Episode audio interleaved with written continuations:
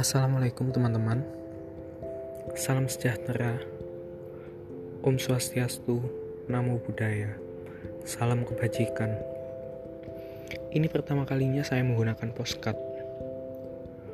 Untuk ke depannya Mungkin saya akan membacakan Puisi-puisi Atau cerita pendek Tulisan saya sendiri maupun tulisan Penyair ataupun penulis lainnya. Selamat mendengarkan. Semoga kalian menyukainya.